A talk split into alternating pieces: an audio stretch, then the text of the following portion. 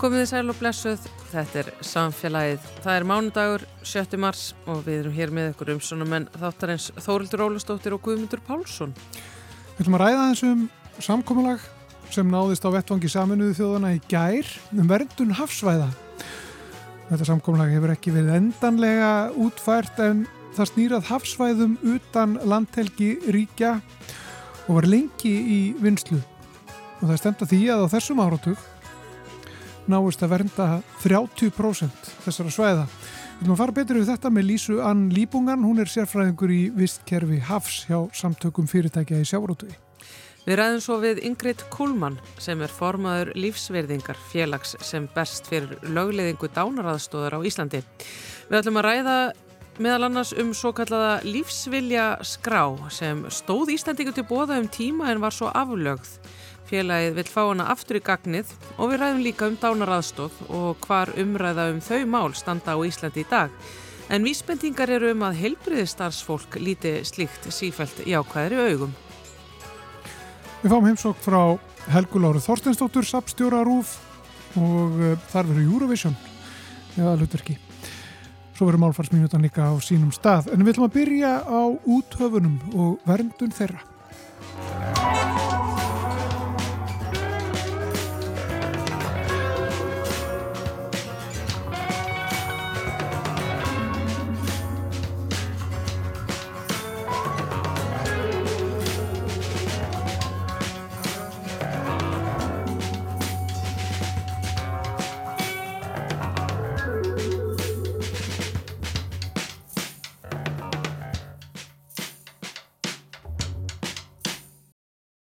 Það fréttir bárst í gær að langþráð samkómulag hefði náðst á vettvangi saminuðu þjóðana um verndun úthafana. Og samkvæmt samkómulaginu sem á eftir að útfæra í, í smáadröðum og, og samþykja uh, í þeim ríkjum sem að koma að þessu samkómulagi, þá er stemt að því að um 30% úthafana njóti verndar árið 2030. Og eldra samkómulag frá árinu 1982 náðu til rúmlega 1% þannig að þarna er þarna eru mikla breytingar.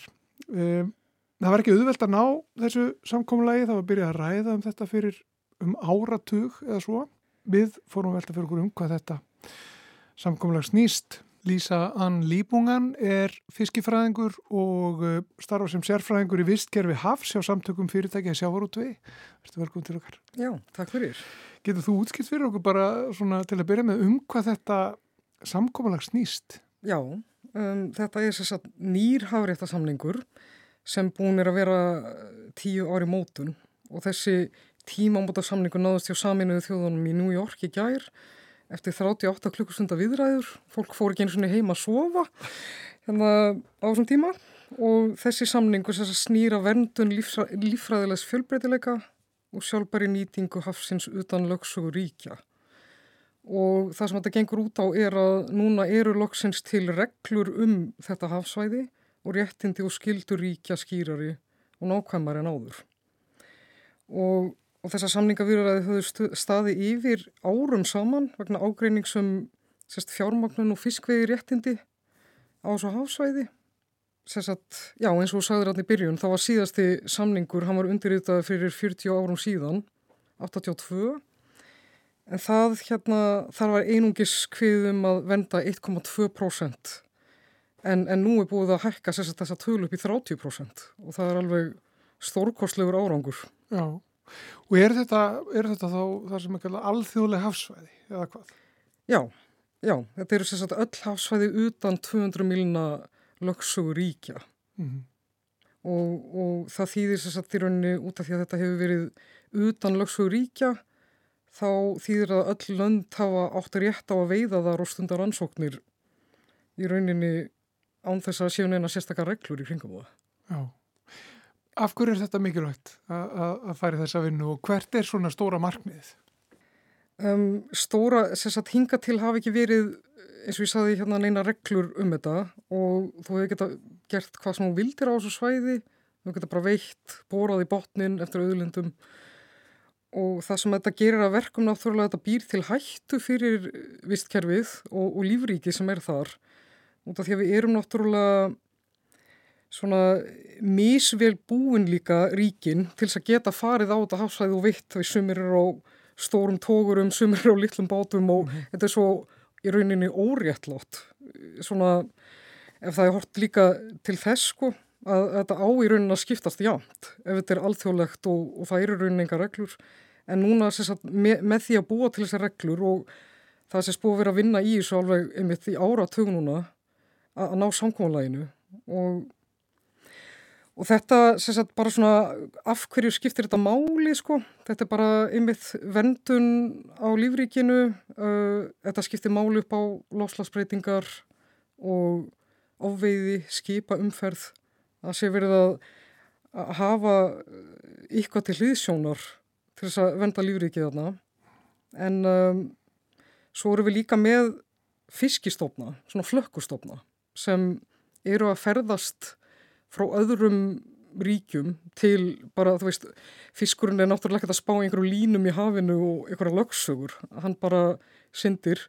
Og við erum með, til dæmis hérna við landið erum við með tvo, við erum náttúrulega með, með fleiri stofna en, en bara til þess að nefna einhverja tvo, þá er til dæmis makrillin og norsk-íslenska síldin, það eru stofnar sem eru svona flökkustofnar og þeir stofnar eru að ferðast uh, frá öðrum ríkjum og fara til dæmis kannski í gegnum þetta alþjóða hafsvæði á leiðsynni sagt, hingað og í rauninni bátarnir þeir geta í rauninni bara beði þarna á þessu alþjóða hafsvæði og, og riksuðað upp torfuna án þess að séu nok nokkuð einhverja reglur í kringum þetta.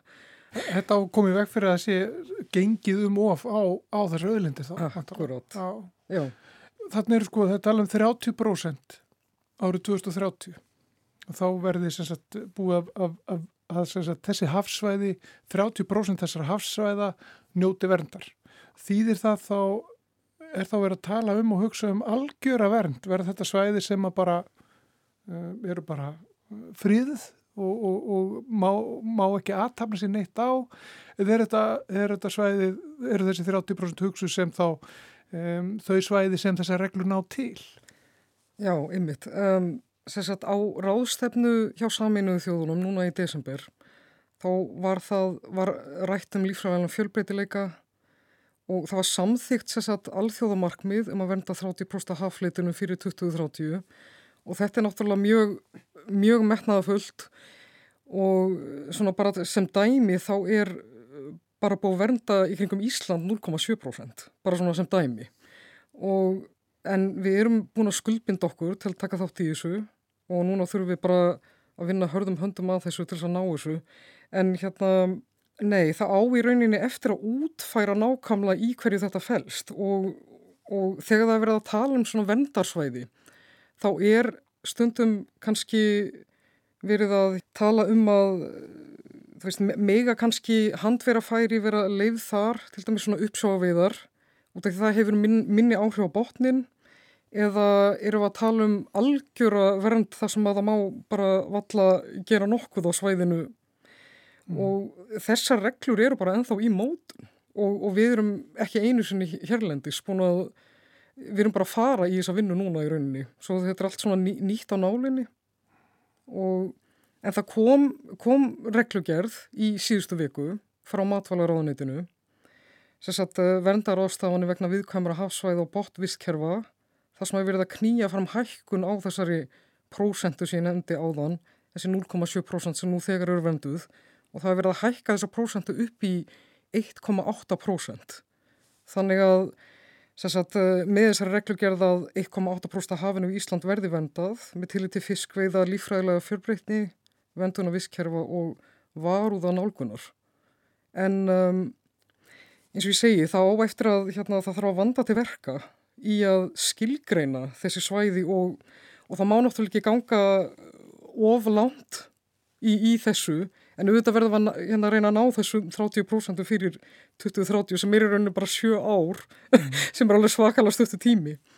En uh, ég sé bara einhvern veginn fyrir mér svona til þess að koma þessu máli áfram að það, það hef, við höfum byrjað samtal við matvælaráðunitið sagt, útgerðin og á matvælaráðunitið útgerðin og, og hafaransóknarstofnun og við myndum öll taka höndum saman og, og bara í rauninni búa til reglurnar í kringum og regluverkið og, og hvernig við eigum eiginlega að ná þessu fram.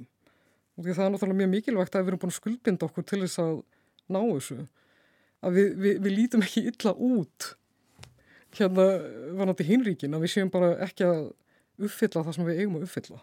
Oh. svolítið að við verðum bara, já, við verðum bara að reyna að ná þessu, það er bara þannig. Já, það eru sko, það eru ímis markmið sem eru sett í, í umhverfismálum og það eru ártöl, við erum hérna 2030 er algengt 2040 það er líka algengt og það er verið að tala um kolumnislutleysi og, og þess að þar og ímis, ímis markmið sem að tengjast umhverfismálum. Er, er þetta raunhaft eh, þetta markmið að innan þessar, eða já, á þessum sjú árum þá, þá náist samkomulag um eh, verndun eh, næri þriðjungs þessara úthafa og alþjóðlegu hafsvæða? Já, ég um, vil trúa því að það sé raunhæft en hvernig þetta við náum þessu fram eins og ég sagði einmitt, þetta er svona skilgreiningar atriði og og uh, já, ég, ég allavega einmitt, ég tel bara að þetta er raunhæft en það verður að standa rétt að þessu og það verður að passa upp á að allavega sem flestir mm -hmm. séu sáttir og missi ekki sett lífsviðværi og allt það sko. Já, já, en þú nefndir aðan sko þessa flökkustofna Já. og um, er það ekki rétt að það var hlut af því sem var deilt einna mest um núna? Að það voru sem sagt um, um, þau, það er lífverur sem að kannski koma frá ákveðnum svæðum hagnit ekki á þeim. Um, að, að hún skilir sér þá þangað sem já, lífverðunar eru upprunnar eða, eða... Jú, sagt, það þarf akkurat það, ymmit, það þarf ymmit að með þessa flokkustofna að þeir eru til dæmis kannski að ferðast frá einhverjum svæðum sem eru ekkert endilega venduð og svo, og svo hérna koma inn á milli allt í einu venduð svæði og svo faraðu inn á annað svæði sem er ekki vendað. Svo það þarf náttúrulega að passa upp á að það sé einhver svona samfella í þessum svæðum og, og að það svona Að, að það sé bara rétt staðið að því hvernig þetta er skipulagt í rauninni að setja á þessi vendasvæði út af því ef þetta er svona mjög svona að það sé einhver svona mert svæði svona inn á milli og, og inn á milli þeirra er allt í einhver svæði sem er ekki vöndu þá náttúrulega er hægt að, eins og ég sagði áðan bara ríksvæða það upp sko þess að stopna en um, það sem að var sagt, verið að deila um sagt, í þessum uh, samningi og okkur þetta tók svona langan tíma var þessi hérna, þessar erða auðlendir og það er það er, það er sagt, erða efni djúpsjáarsvampa, ljós átu og kóralla, þangs og bakteríja en það hefur til dæmis fengið aukna aðtikli vegna hugsanleira nótkuna þeirra í liv og snýrtifurur. Svo Svo þessa erða auðlindir er náttúrulega, þetta eru alveg gríðarlega miklir hagsmunir og, og, og, og miklir peningar sem við erum að rýfast um sko. Mm -hmm. Og það að, að það, þegar við náðum fram þessum samningi er náttúrulega bara alveg ótrúlegt. Eitthvað svona samkómulag allra þessari ríkja en, eh, en núna allavega með þessum samningi eru komnar fram verklagsreglur um gerð þessara vendasvæða og líkan fyrir rannsóknir á umhvers áhrifum fyrirhugaðara starfsemi í úthafinu. Svo þetta er bara jákvægt en þarf að útfæra þetta rétt. En þetta er, þetta er rísastórt skref, Já. ég meina þetta, þetta er stór mál í rauninni sko að þetta hafi, hafi nátt svona samkóla. Já, jú. Og hvað tekur þá við? Er þetta að rýfast áfram um þetta? Mun það vera gert? Um, er þetta að rýfast um þetta innan ríkjana sem er eftir að, að jú, útfæra reglunar? Nákvæmlega. Það, það, núna er komin, komið svona í rauninni, núna eru komna reglur, það eru settar fram, en svo þarf náttúrulega útfæra reglurnar fyrir ríkin sérstaklega. Og, og eitt sem hendur ekki öðrum og, og, og því að löndin eru náttúrulega ekki nákvæmlega eins.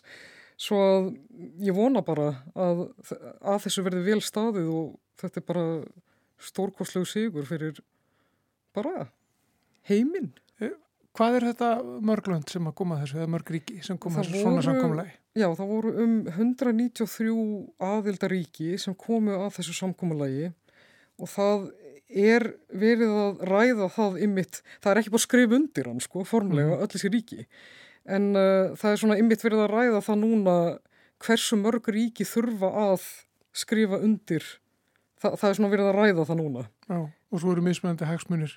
Mismunandi hagsmunir og, og en mikilvægt að, að við séum öll að vinni í þessu saman eins og bara með, með allt annað sko.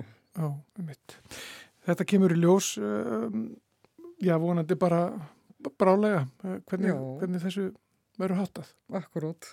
Sko sem segja þetta gott. Lísa Ann Líbungan, fiskifræðingur og sérfræðingur í visskerfi Hafs á samtökum fyrirtækja í, í sjárótu. Takk fyrir komuna í samfélagi, takk fyrir að segja okkur frá e, þessum eh, sáttmála um, um úttöfun og verðum þeirra. Já, takk fyrir að hafa mig.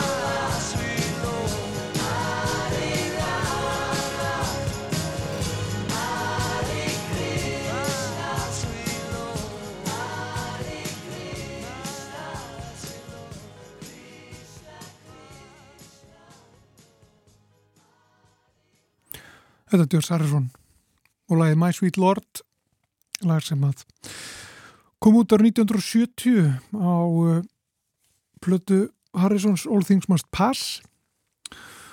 Og uh, já eins og glöggir hlustendur heyra og vita þá hafði Harriðsson verið þarna miklu andluðu ferðalagi. Og uh, sem byrtist meðal annars í þessu lagi My Sweet Lord. En áfram með samfélagið Hjá mér situr Ingrid Kúlmann. Hún er formaður lífsvirðingar félag um dánaraðstóða á Íslandi. Sælvertu Ingrid. Blessa og sæl.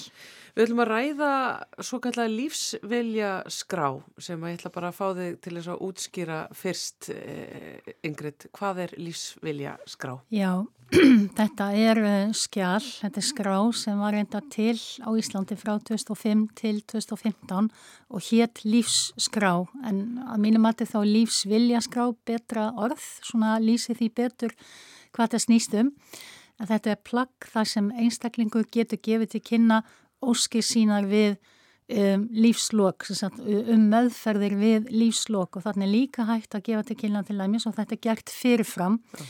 í þeim tilgangi að þegar til dæmis þú ert ekki lengur í standi og þetta getur verið vegna líkamlegs ástands eða andlags, andlags ástands, eh, þú lendir í slisi eh, eða farið einhvern sjúkdóm, getur ekki lengur tjáði, þá getur þau fyrirfram gefið til kynna hvað þú vilt eða vilt ekki. Og þannig er til dæmis líka tak, hægt að taka fram ef þú vilt ekki til dæmis uh, stuðning við öndun, fari í öndunavél eða blóðhreinsun sem er áoft við í þar um nýrnabilun er að ræða. Uh, en líka til dæmis blóðgjöf, uh, síklarlif en líka til dæmis hjartanóð annarkot með vélum eða, eða livjum þannig að það er hægt að gefa til kynna hvað sé ásængtalegt og ekki ásængtalegt og yfirleitt er þá umbásmaður eða talsmaður sem að fara það hlutverk að tjá sig fyrir þína hönd þegar þú getur ekki lengur gert það. Þegar þú verður fyrir alveg heilsu tjóni. En er þetta þá sko fólk sem að skráir niður þennan uh, vilja sinn við mm -hmm. lífslokk, uh, það gerir það þá meðan það er alveg heilbrygt og, og, og er bara í raunin að ímynda sér einhverja aðstæður sem að getur komið Já. setna meir? Þú gerir það fyrirfram ekki þegar þú ert komin í þær aðstæður að geta ekki lengur tjá þig því að Aha. þetta er þetta það sem er svolítið erfitt í dag og við heyrum það mjög mikið á fundum hjá okkur í félaginu og fólk kemur til okkur og segir það eru óskýrir verkferðlar hvað þetta varðar.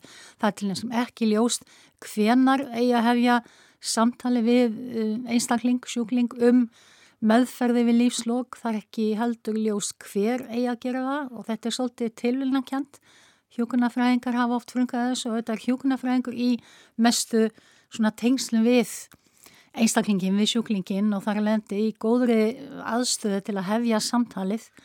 Og um, stundum er það læknar en uh, þetta er ekki gert fyrirfram þannig að þetta er, þegar fólk lendir í slisi til dæmis og er uh, í dái að þá er engin í raun, þá getur þetta samtal ekki átt sér stað og þá er ekki til upplýsingar neinstaður um óskir einstaklingsins og þá eru þeir einn aðstandendur sem að eru spurðir. Já, nú höfum við þá með tugmyndum sko hvaði lífsvilja skrá er en eins og þú myndist á, þá var þetta einu sinni til hér á Íslandi í tíu ár en, en var hægt, en ennur að fara yfir þá sögu e, með okkur yngriðt. Já, þessi skrá var sem sagt til frá 2005 til 2015 í tíu ár en það var mat þáverandi landlæknis að um, í fyrsta lagi þá hefði þessi skrá ekki lagalega stóð.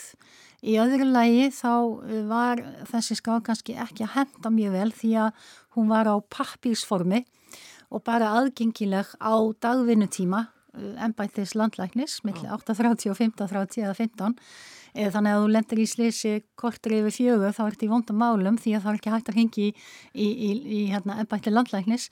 Og svo í þriðja lagi þá sagði þáverandi landlæknir að um, fólk gæti skiptum skoðan þannig að, að svona ákveðin sem var í tekinu á einhvern tímapunkti hefði kannski ekki vægi síðar. Einnig. og hann taldi líka að besta leiðin væri raun að fólk bara talaði við uh, sína nánustu aðstandendur ættingja um þetta. Og ég er hjartalega sammála því um, að við ættum að ræða láta óskir okkar í ljós áður en við lendum í þeim aðstæðum að geta ekki lengur tjáð okkur við eigum að gera það en mér finnst að þessi ská eigi að vera til staðar og við erum kannski í dag í betrið stöðu, við erum með eh, rafræna skrá sem heitir Saga sem allar heilbriðstofnanir og heilsugjæslur og, og líka enga reknar stöðvar og hjókunarheimilin nota. Það er varja hægt að skrá upplýsingar um, bara til dæmis næst þegar maður fætti læknis að fá þessa spurningu, skrá óskið sínar. Í öðru lagið, og það er kannski betri leið, þá erum við með helsuveruna í dag sem við vorum ekki með 2015 ja. og þarna getum við til dæmis breytt upplýsingum bara nánast daglega ef að eins og varandi upplýst samþykki til dæmis eða. Ja. Við getum breytt um, okkar upplýsingum daglega þannig að það, þá er, er þessi rauk sem að Uh, landlækni notað um að, að, að þetta hefði ekki vægi síðar, það er náttúrulega, já, eru þá einlega úr sögunni vegna að við getum þá breytt okkar afstöðu daglega og heilsuverðin náttúrulega öllum aðgengileg með rafrænum skilríkjum. Þannig ég held að það var bara mjög, mjög gott ef að við getum endurvakið og við erum, raun, erum að hvetja landlækni til þess að endurvekja þessa lífskrán. Já, en það er þá, það komið, rafræni eh, grunnurinn er komið til staðar þannig að mm. það er út af borðinu en það er þá, hvað, einhver lagastóð sem að vantar upp á til þess að þetta sé hægt að taka upp að nýju? Já, mér skilst reyndar að það sé eins með líffæra að gjöf, sko, aðstandendur eru áfram spurðir þó að einstaklingurinn sé, hafi gefið upplýst samþykki Aha. eins og það er í dag, þú ert líffæra að gefa nema, þú gefir annað tilkynna samt þarf alltaf að spurja aðstandendur. Það verður kannski eins með þessa lífsviljarskrá en þá er alltaf að óskýr einstaklingsins skýrar liggja fyrir og það er það sem er kannski munrið því að eins og með líffaragjöf þá er rosalega erfitt að taka svona ákvöðun ef þú veist ekki afstöðu einstaklingsins. En þegar afstæðans er skráð og er aðgengileg og skýr þá er miklu öðra fyrir aðstandendur að, að taka ákvöðunir þannig að það er þá í rauninni sko öll rökin sem eh, voru til staðar þegar þetta var aflætti hérna 2015, eh, gamla skráin þau eru þá í rauninni bara farin. Það er í rauninni ekkert þá sem að stendur í vegi fyrir að þetta sé tekið upp á nýju. Nákvæmlega og, og ég held að þetta veri bara framfara skref eh, hjókunafræðingar tala mikið um það að það sé þeirra vilja að fara eftir þessari skrá, óskum einstaklingsins, mm. en þegar það líki ekki fyrir þá er alltaf spurning bara hver, þetta er svolítið undir þeim komið, eða undir læknum og hjókunarfæðingum komið að hefja samtalið já. um já, meðferði við lífslokk og það væri mjög gott að þetta myndi gerast á fyrri stegum og við getum öll fyllt út hvað okkur finnist ásættalegt eða ekki ásættalegt til dæmis ef maður fær heila blóðfall og bara í öndunarvél eða maður fær öndunarstuðning. Hvað, hvað vil maður að verði gert? Það er svolítið mikilvægt að það líki fyrir. Og þetta, nú er ég formaður uh, lífsöringar félagsum dánarhans og við auðvitað bindum vonir við að í framtíðinni verður þá líka hægt að skrá óskir um uh, uh, Dánaraðstóð, uh, það er kannski orð sem okkur hlustendur eru ekki alveg að kveikja og þannig að þú verður líka þessu útskýra hvað fælst í henni. Já, dánaraðstóð er ekki að uh, meðferð. Dánaranstar heldur ekki þegar læknir ákveður að setja fólk í lífsloka meðferð, heldur en dánaranstar að fá aðstofið að deyja þegar maður er komið með ólæknandi sjúkdóm eða er óbærilega kvalinn mm. og það eru þetta mismyndi leiðir e, til að veita dánaranstar sem eru notaðar í heiminum. E, í Hollandi, Belgiu, Luxemburg og, og fleiri löndum, til dæmis Kanada, Nýjasjálandi, þar er leiðin svo að gefa deyðandi spröytu, læknir gefur deyðandi spröytu. Í Sviss er uh, öðruvísi aðferð sem er enda líka notið í, í, í Hollandi og, Kanada og Nýjasjáland og Ástralju. Það er í raun sjúklingum sjálfur, innbyrðir blönduna en auðvitað læknirinn hérna ávísar lefið og svo er í þriðjanlegi og það er leiðin sem er notið í Oregon og í fleiri fylgjum í bandaríkunum. Þar farðu í raun reseft, þú sækir, lefið í apotek og innbyrðir þegar því að finnst komið tími til að auðvitað eru ströng skilirði. Já.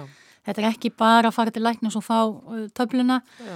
eða blönduna heldur eru ströng skilirði um óbærlegar uh, þjáningar, um, auðvitað líka það sé ekki fleiri uh, já, úræði Uh, meðferðir í bóði um, og líka við komum til þar að vera með ráð og reyna og það er bara einstaklingin sjálfur sem getur beðið um dánarast og engin annar.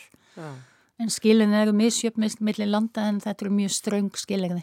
Þannig að, veist, sjúklingu sem er langt gengin eh, með sinn sjúkdóm og framöndan er í rauninni ekkert annað heldur en það að deyja mm -hmm. mögulega margar vikur mánuður Já. í það og óbærilegu sársöki og fólk bara villit ekki, vill Nákvæmlega. bara gera það sem að óhjákvæmulega kemur miklu fyrr, já, að þá er þetta lusnin. Já, við tölum um að deyjum á einn fórsendum þetta snýst svolítið um sjálfs ákveðunarétt, þetta já. snýst um frals þetta snýst um val.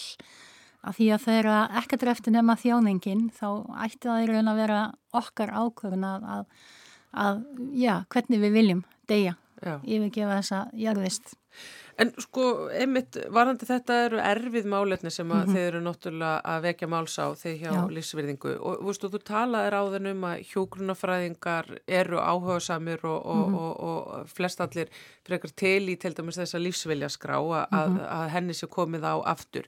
En bara, þú veist, svona he heldstætt innan stjættarinnar, heilbæri stjættarinnar, hvaða viðhorfi mæti eftir það sem að þið í lífsvinningu eruð að berjast fyrir, lífsvilja skráin og líka einmitt dánaraðstöðu. Já, það er um, merkjulega breyting á afstöðu heilbríðstarfsmanna til dánaraðstöðar. Um, það kom til og meins fram í uh, Rítgerð, uh, Brynhildar, er ég búin að gleyma því hvað stóttur hún er, uh, en hún sem sagt gerði um, rannsókn uh, þar sem hún spurði uh, bæði hjókunafræðinga og lækna á meðferðar og aðgerðarsviðum landsbítalans og uh, það kemur í ljós að stuðningun er orðin miklu meiri, 54% lækna segjast stiðja eða sem sagt hafa jákvægt viðhorf í garð dánaranstóðar og 71% hjókunafræðinga. Já.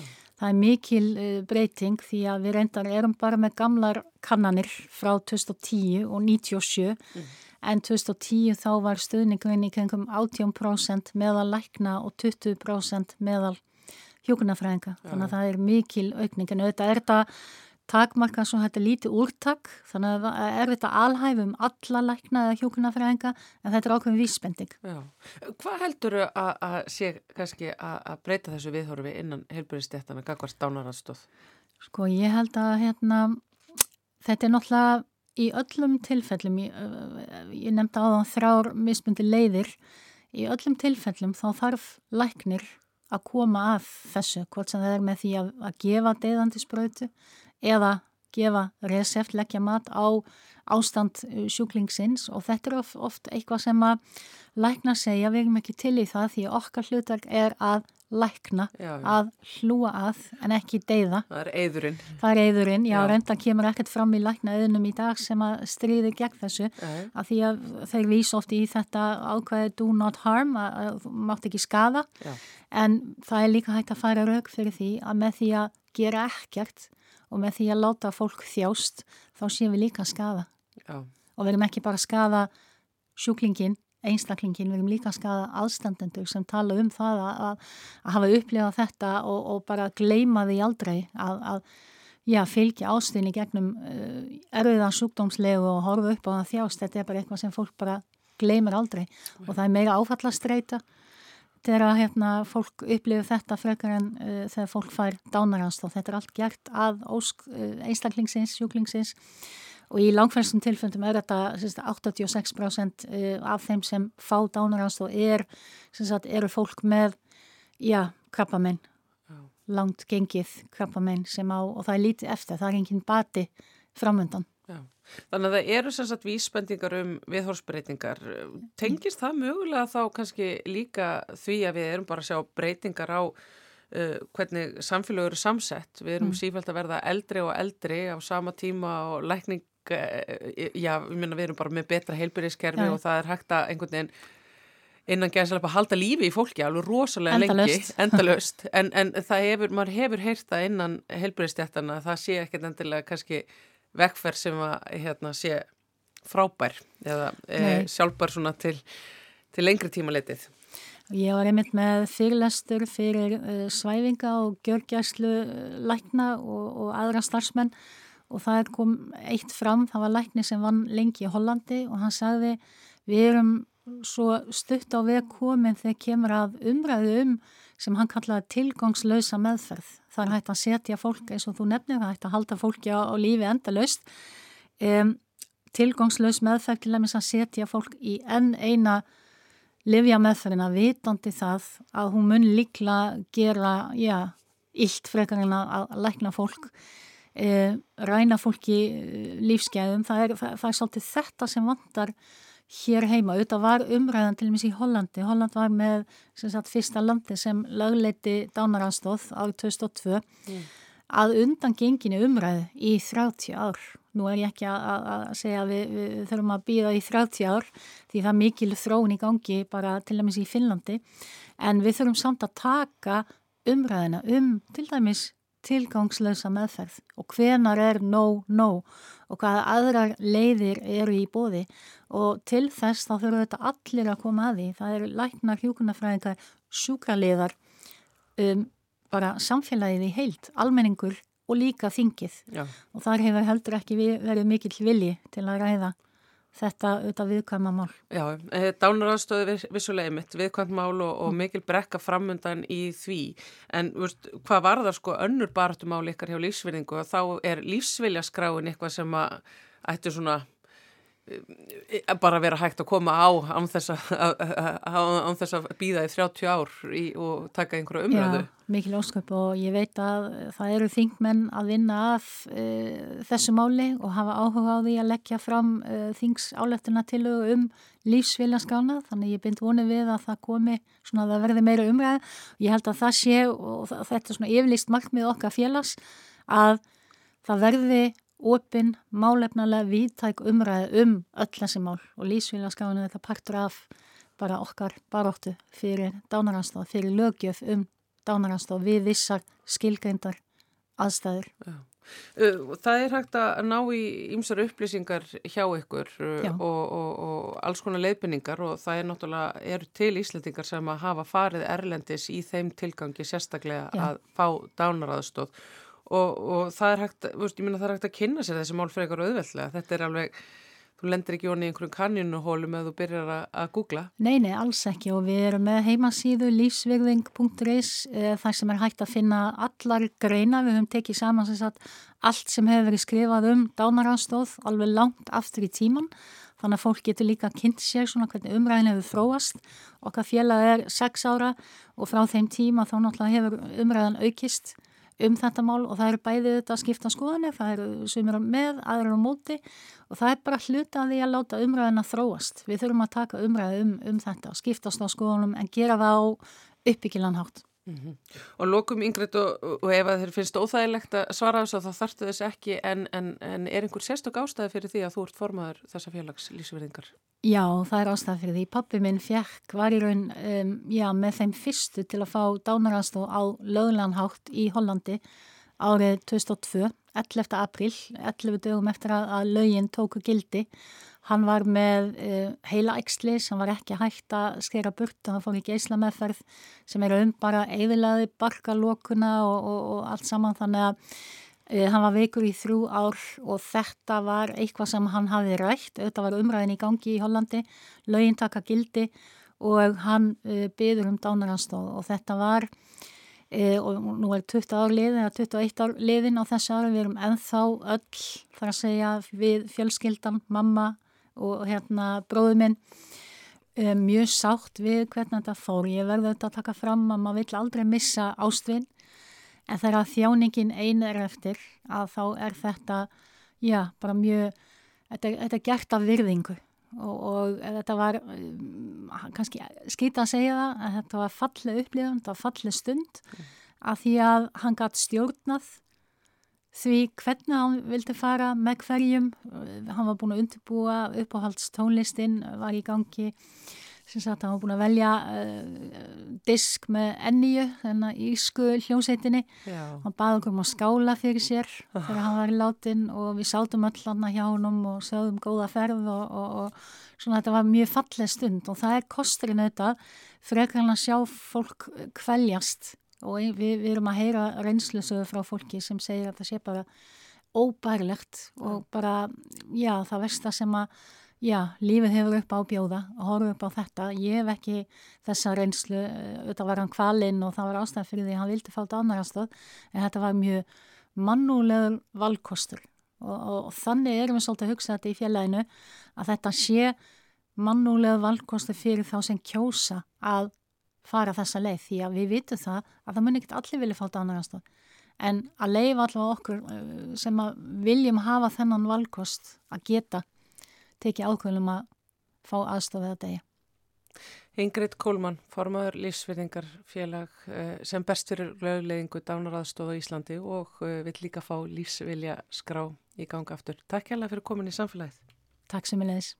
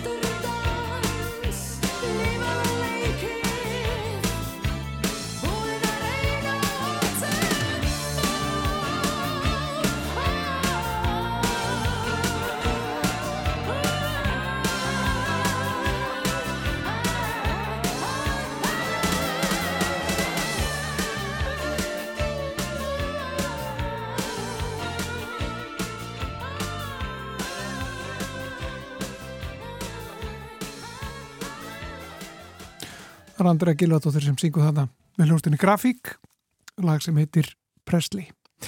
Við ætlum hérna eftir smástund að tala við hana Helgu Láru Þorstinsdóttur, sapstjóra Rúf, hún er með uh, mjög skemmtilega upptöku úr sapni Ríkisútarsins. Heyrum það hér eftir smá stund en fyrst er það málfarsminúta.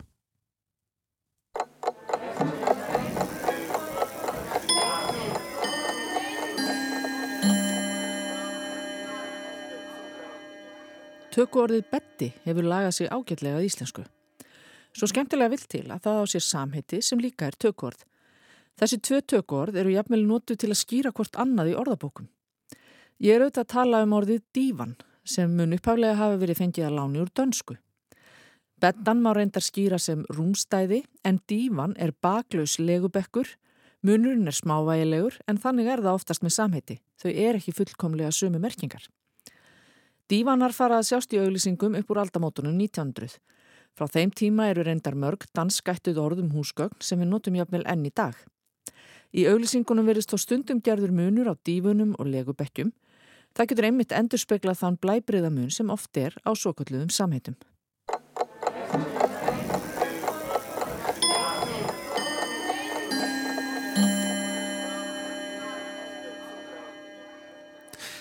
Málfarsmínúta, það var málfarsraðanötur Anna Serjur Þránsdóttir sem var með hana. Var að taka um, uh, tala um bettan þarna sem að var nú eitthvað sem að maður flegði sér á. Maður svaf í rúminu sínu en flegði sér á bettan. Já, Já. Kvilgt ævintýri. Sem lífmitt er. Heyrðu, hún er sest hjá okkur hérna Helga Lára Þorstensdóttir sem er sapstjóri Rúf, verður velkominn til okkar. Takk. Núna voru Íslandikar að velja framlagsitt í, í söngakefni Európska sjóhanstöðu um helgina og þitt eitt innlegg núna upptakar sem komst með til okkar tengist Eurovision. Já, akkurat sko. Mér fannst nú tilvalið að grýpa í svona klassíst efni úr sapni rúf í tilumnu þess að keft var til úslita í söngukeppni sjónvarsins núna um helgina.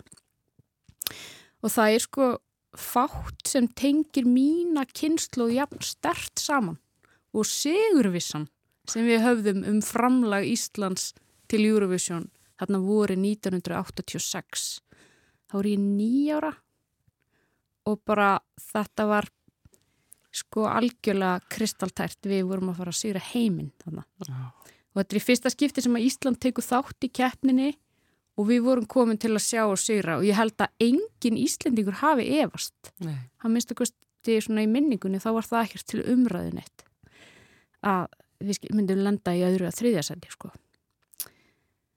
En við þurfum nú ekkert að orðlengja um hvernig fór í Bergen hérna 1986.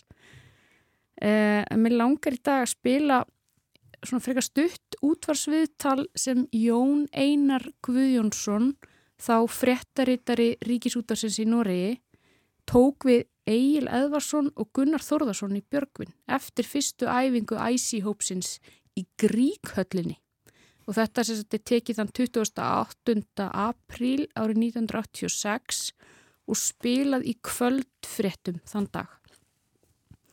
En sko keppni var með svolítið öðru sniði á þessum árum en symfóníljónsett spilaði undir í öllum atriðum og gaf þessu svolítið svona hátilegan blæ, ég veit ekki hvort þú muni eftir. Jú, það voru hljónsetta stjórar. Já, margir sviðinu og svona fólki hátu svona, svona hátíðar klæðnaði, smóking mjög flott. Kjólfutin en við heyrim í viðtalinu að sko Gunnar talar af mikill hóvarð um reynslu sína af því að stjórnarljómsutinni finnst hún bara ágætlega velspilandi og svona en svo þegar Jón Einar beinir spurningum sínum til Egil's Edvardssonar þá er ljóst að við eigum alltaf keppinu þetta sko við erum bara sigurstrángleg og við verðum ofalega mm.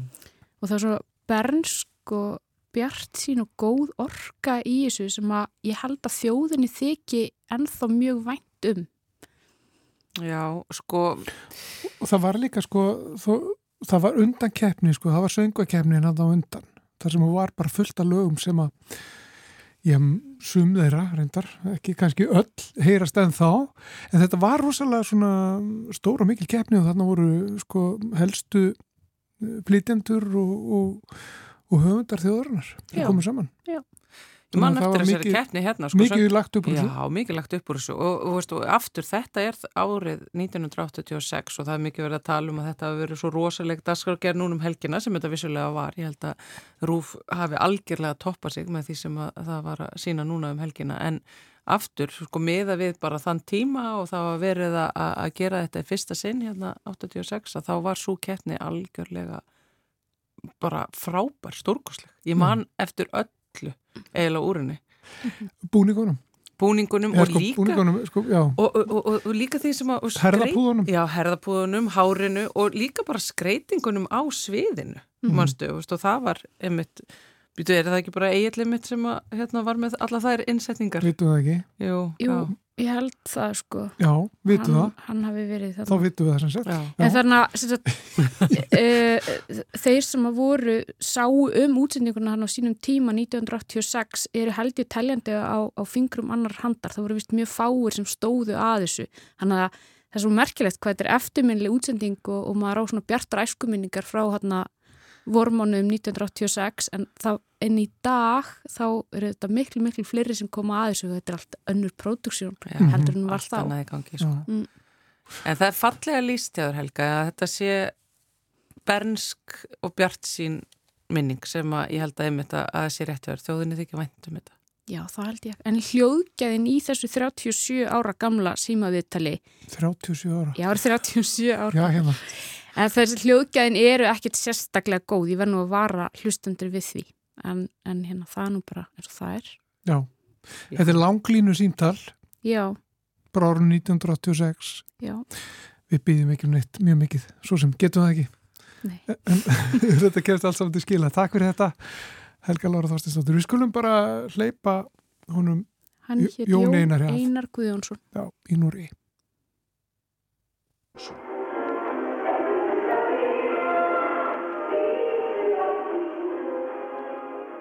Þannig hljómaði Gleðibankin í Gríkhöllinni fyrir í dag. Í dag hafa 11 af þeim 20 þjóðum sem taka þátt í söngvakeppni Evrópska sjónvastöðva ætt. Við hlýðmína hér í höllinni situr leiðtói íslenska hópsins Egil Elvarsson og Gunnar Þorðarsson en hann stjórnar Symfóniuljónsveit Norska Ríkisútvarsins við fluttning íslenska lagsins. Gunnar Þorðarsson, hvernig eh, var það að stjórna 63 manna symfóníuljónsveit í fyrsta skipti á æfinni? Þetta hljóma nú kannski ekki eins og symfóníuljónsveit núna.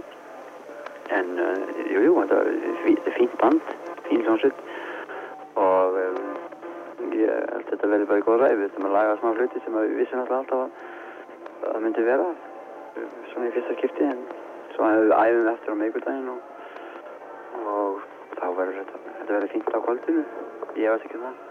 Egil, sviðsframkoman er mjög mikilvæg í slíkri keppni, hvað allir það að gera með hana? Við höfum verið undir búið okkur og gera hana tvær, eh, tvær síðustu vikunar áður við komum hinga. Nú eh, vorum að fá komment frá upptökustjóra eða pródusent, yfir pródusent yfir þessu sjói. Hann uh, segir að, að uppsetningin á þessu sé alveg til fyrirmyndar, hann tók upp uh, pröfu upptöku hér sem við munum diskutera fara yfir saman og, og skipta yfir í myndir. Hver eru helstu kippinautur í Íslands? Við höldum að, eh, að við séum, ég vil ekki kalla það sigur stránglega, við teljum að við séum uh, ofanlega, það er að segja að við erum tekið eftir okkur verulega. Okkar einhvern orð hér eru uh, bæði vinna og að vinna. Jón Einar Guðjónsson í Björgvinn.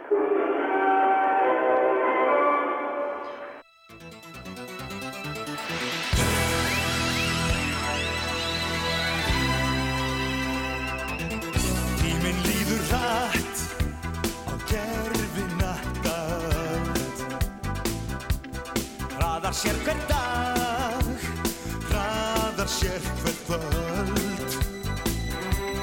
Ertu stundum hugsandi